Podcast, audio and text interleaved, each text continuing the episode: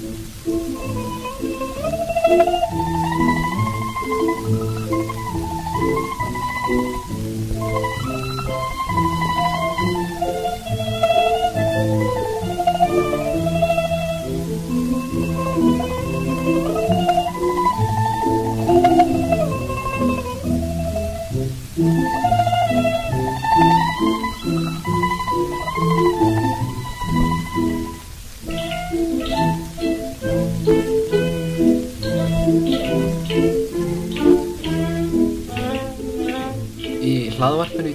Langar mig til þess að segja ykkur frá borgarastriöld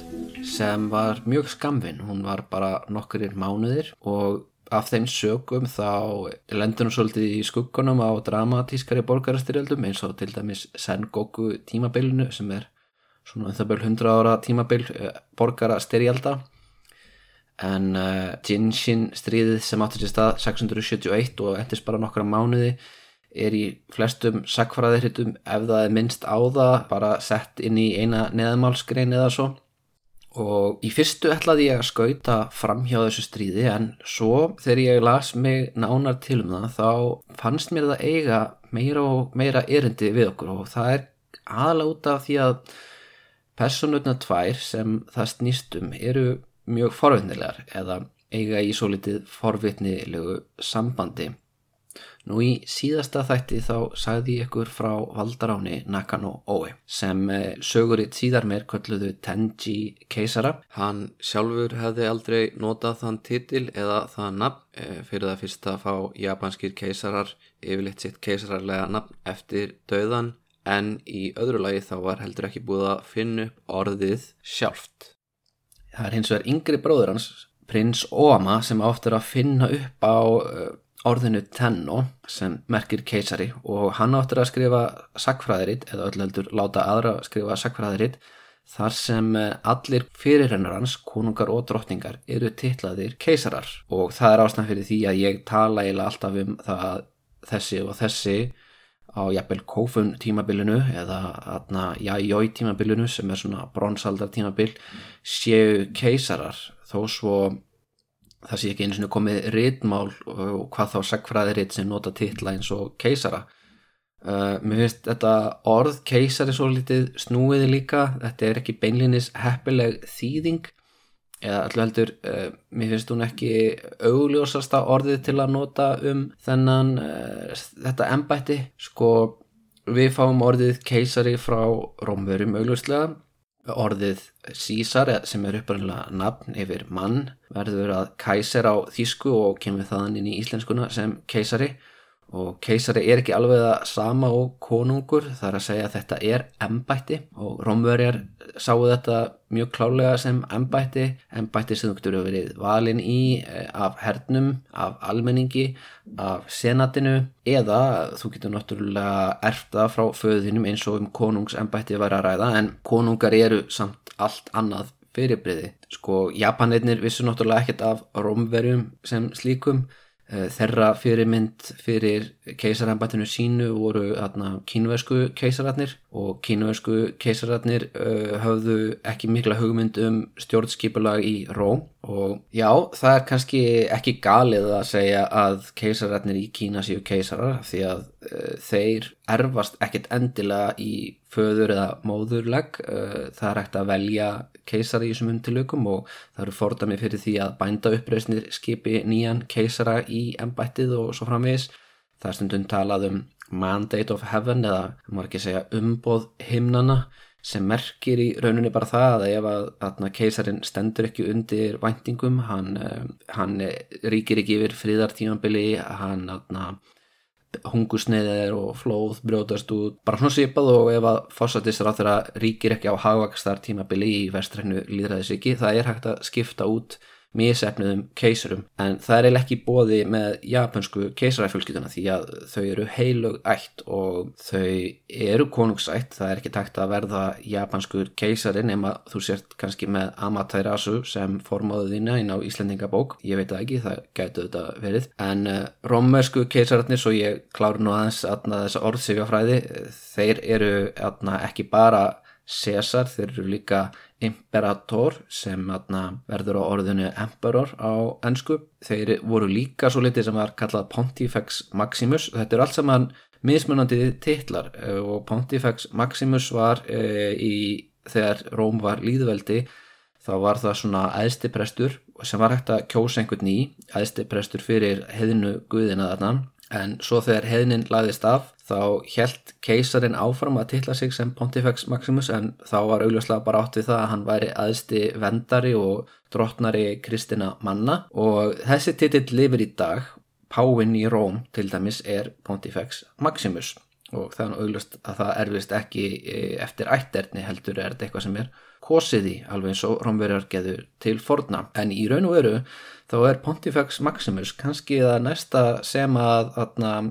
rómverski keisarar komast í að vera japanskur keisari því að e, japanskir keisarar eins og ég er oft búin að nefna áður eru aðstu prestarnir í sól dyrkunar kvöldi og aðstu prestarnir í, í sintoisma allavega síðan uh, Meiji ríkistjóðnin gerði það að svona skipulöðum trúabröðum þetta áður fyrir voru þetta bara mismunandi guður með mismunandi aðstu presta. Klárlega þá var Amaterasu eina af þeim mikilvægustu og sumir myndi segja allra mikilvægustu Eh, sérstaklega einhver sem væri að vinna fyrir keisaran en uh, þetta var samt eftir sem áður spurning um hvernig þú spurðir. En hvað um það? Yngri bróðir Tenji keisara er maðurinn sem finnur upp á þessum titli. En Tenji keisari er einhvað síður maðurinn sem uh, virkilega á heiðurinn á því að á þessum tíma sé japanska ríkið orðið raunverulegt ríki. Það er uh, búið að auka miðstyringu það er búið að styrkja stóðir konungsvaldsins og það gerir yngri bróðunum kleift að gera allskins aðrar breytingar en fyrst þarf hann náttúrulega að verða konungur og það er ekki alveg hlaupið að því að því að hann Tenji er búinn að finna annan erfingja. Uppálega stóð til að Óhama átti að erfa bróður sinn aðalega því að Tenji keisari átti engan són sem var heilsu hraustur, sónurinn sem hann átti var mállaus og ólíklugur til stóraðana en seinta á lífsliðinni þá egnaðist hann annan dreng sem að þessu sinni var hraustur, klár og duglur en hafði bara einn ókost og hann var sá að móðurinn var ekki af konunglegu blóði og ekki einu sinni úr neinu af hinnum stóru Uji valda ættum eins og Soga eða Mononobe eða Nakatomi. Þegar þessi Otomo ógs úr grasi þá þótti föður hans sífælt meira til hans koma og á endanum þá ágóða hann að gera svon sinn að eh, erfinganum og til þess að tryggja hann betur í sessi þá bjóndi nýtt embati hann uh, Daijo Dainin sem er í rauninni einhvers konar hendi konungsins svo ég noti aðna uh, Game of Thrones líkingu en kannski auðvöldar að segja eða eitthvað svoleiðs í rauninu veru fóran með konungsvaldið fyrir aldraðan föðusinn gerði það í þrjú ár og þótti standa sér mjög vel. En einhvað síður þá uh, losnaði hann ekki undan þessum stimpli að vera hálfur almúamadur hálfur konungur, hálfur almúamadur meðan prins Óama var báðu megin konungborinn. Nú Eftir að fadur hans deg þá tók þessi prins, prins Otomo við stjórnatömmunum í mjög, mjög stuttastund og fadur hans fyrir andlátt sitt fær alla hirðmennina til að sverjónum hotlustu eiða en það verist duga mjög skamt uh, því að uh, stutt eftir hann teku völdin þá byrja flestir bandamenn hans að svíkjan og aðna prins Óama uh, sapna til sín sífilt fleira og fleira liði Hann byrjar á því að senda diggan stuðningsmann sinn norðaustur til þess að loka veginna til uh, höfuborgarinnar þannig að konungunni get ekki kalla á liðsöka að norðaustan megin þar sem uh, stórir herir eru og þegar þau fjallaskurð hafa verið lókuð uh, þá sér konungurinn sig knúin til þess að senda skilabóð Vestrabóin til landstjóran sem er að gæta virkjana sem að fadur hans hafi reist. En sá landstjóri verðist ákveða að sitja á hlýðalínunni og svarar því að hann hafi fengið skýra fyrir skipanir frá uh, látna konunginum um það að hann eigi að verja Japan fyrir innrás frá Kína og hann ætli sér ekki að fara, ég ber þótt að engin innrás sé yfirvofandi. En einhverja síður þá verðist prins Otomo verið í ákættir stöðu, hann er örgur bak við virkisveggina en ég veit ekki hvers vegna þá ákveður hann að fara út með herliði og mæta Óama í bardaga og já, sko mögulega, mögulega þá sá hann fram á það að eftir því sem leið á stríði þá myndu fleiri og fleiri bandamenn vika frá honum og ganga til liðs við föðubróður sinn. Eða mögulega voru ráðgjafarnir sem hann hafði kringum sig í höllinni að gefa honum e, lélega ráð. Og það er svolítið aðteklisvert í þessu ljósi að hann var í rauninni með sama ráð þeirra og ráðgjafalið og, og fadir hans. Og þegar föðubróður hans hefur unnið borgaristyrjöldina og kemur inn í höfuborgina þá skiptir hann heldur ekki út ráðgjafileginu, heldur, heldur því sama. Þetta eru sömu ættarhöfuð og, og, sömu embætti og annarkort segi það okkur að ættirnar eru það sterkar en þá að það er ekki takt að skipta þeim út, þú verður að gefa þeim þessar titla og þessar stöður eða þá að hugsanlega hafi ráðgjafaliðið og elitan verið í liði með föðubróðunum af því að hann er með betra ætterni og líka giftur inn í fleiri aðalsjölskyldur á fullta eiginkonum og fullta uppkomnum börnum sem eru búin að giftast inn í fleiri ættir meðan prins Ottomo er enþá ungur maður sem er bara giftur tveimur konum En það er svolítið aðtöklusert hvaða kona er aðal eiginkona hans Otomo því að sko þessi Óama sem setur hann af valdastóli er ekki bara uh, föðubaróður hans heldur er hann líka tengdafæður hans. Já, Otomo er sér sagt giftur frængusinni sem er dóttir föðubaróður hans og þar með er aðna Óama ekki bara að, já ekki bara að aðna fara í borgarastrið gegn uh, frænda sínum heldur líka tengda sinni og til þess að gera þetta enn skrítnara þá er uh, hann líka máur tengdasónar síns og bróðursónar þar að segja hann er giftur hálf sýstur prins Otomo, dóttur bróður síns. Og svo kona heitir Unono Sarara en uh, verður síðar Jito keisara innja, bara mjög merkilega keisara innja í sjálfu sér. Og hún er ekki af almúa fólki komin í móðurleg heldur er e, móðurinnar held ég e, soka, jú ef ég man rétt þá er hún atna, sagt, úr soka ættinni og, og hún og Sarara er sagt, dóttur dóttir hans atna, soka no Maro sem ég sagði frá því síðasta þætti sem hjálpaði til við valda ránið 645 og var síðan ásakaður um landráð og tekin af lífi eða látin fer með sjálfsmorð. Þetta er rosa skrítið en þetta hefur ákveðna lógík það er að segja þarna, það er skamt í minni fyrir keisarafjölskytuna að, að, að uh, sokaættin gæti tekið til sín hér um byl öllvöld bara með því að halda tengda svonum sín með gíslingu annars vegar og hins vegar með því að tryggja að uh, allir keisarar væru afkomendur sokaættarinnar í móðurlag. Þannig að þið heyrið á þessu að það skiptir greinlega tölvörðu máli hver móðir konungsins er og, og við sjáum það að konur eru líka miklu leikendur í pólitíkinni. Eftir Tito þá taka við alveg tvær keisara innur í röð. En á japansku heitir keisari eða keisara innja einu orði eða tenno Við sjáum ten í fullt af japanskum orðum. Til dæmis er, getur við sagt ten koku sem þýðir himnaríki, ten shi sem merkir engil sem kemur að ofan, ten mon sem merkir stjórnufræði og við höfum það líki orðum eins og tenki sem er veður, eða tenki yoho sem eru veður fréttir og ég held að þið getur gískað svona núna á hvað tenn þýðir. Það merkir heiminn og kemur af kínverðska Tjan, kínversku keisarinn héttu Tjanzu sem merkir sonur heiminsins en uh, Japanarnir ákvöðu að nota orð sem átti við um bæði kynin. Það meikur auðvitað sens að því að það eru fullt af drotningum í sögu Japans, bara ein drotning í sögu Kína, hún Wu Zetian og það fer ekki testaklega gott orð af henni. En það eru fullt af öflugum og, og merkilum drotningum í sögu Japans, þar á meðal móðir hans uh, Tenmu sem finnur upp á titlinum. Þannig að hann villi kannski ekki gera lítið um móðu sinu og svo verður eiginkona hans drottning ánans síðar og kalla sig Tenno líka. En O merkir einfallega konungur. Þetta tál kemur fyrir í fullt á orðum sem tengjast einhverju keisararlegu er í rauninni svona royal á japansku konunglega eða keisararlega hyrðin er og eitthvað en og er ekkert sérstaklega algengt tá í einhverju öðru samhengi svo við þurfum ekkert mikið að spá í því. En uh, Tenmu finnur upp á þessum titli og fram að þessu hafa japanskir konungar og japanskar drotningar verið að nota titla á japansku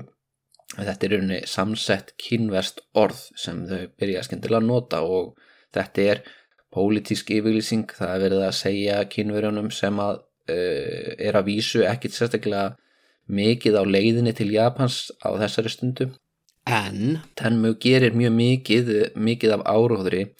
Sá sem lætur skrifa sakfræðaritinn Kojiki þó svo að þau klári, séu ekki kláruð á hans valdatíð. En uh, þau segja okkur einmitt söguna sem er ég er búin að reykja hérna áður af héranum sem stekkur á baki hákalla frá því hvernig Japan verður til þegar hérna, Isanagi og Isanami búa til eigurnar og alla fyrstu guðina. Hvernig Amaterasu fer í felur og kemur svo út aftur og hvernig kronudjást Japans verða til. Þetta er allt í Kojiki. Og það getur verið þó sumir halda því fram að Tenmu hafi í rauninni fundið upp á þeirri hefð að japanskir keisarar séu afkomendur sólgiðunar þeir hafi ekki verið að fram að þessu. Þeir hafi haft eitthvað annað vendargóð en tekið yfir sóldýrkunina. Um, það er eitt sem gerir þessa kenningu ekki alveg fráleita og það er svo staðrind að annaður eitt sem er skrifað stötu síðar ljóðasafnið Manjósju það heldur því fram að í raun og veru sé tennmu fyrsti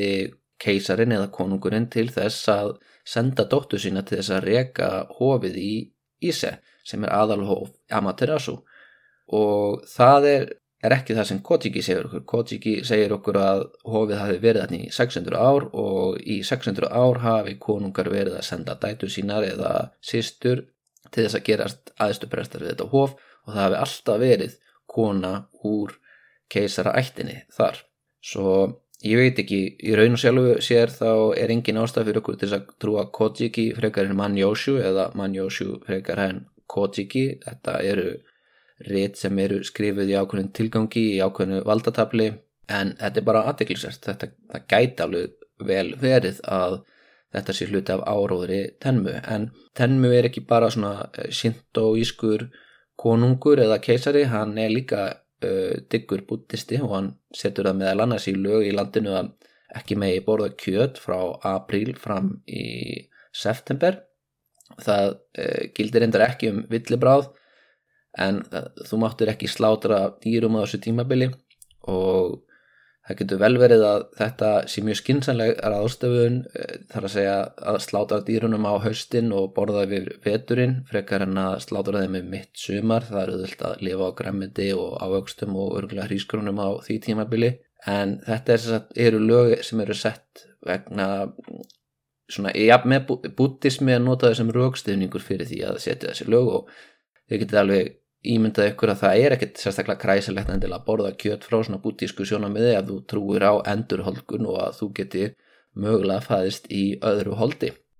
og þá í annari dýrategund. Og það er fullt af Austur-Asíuríkjum á þessum tíma sem eru með einhvers konar lögjöf sem bannar kjött átt eða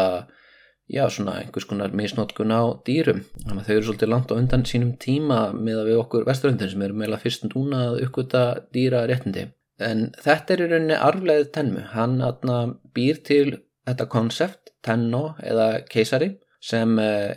mér finnst ekkert endilega að við ættum að þýða sem keisari, við getum alltaf notað uh, þýðinguna sem að portugalskir sjómenn notuðu á 16. öld þegar þeir komið til Japans, þeir heldu því fram að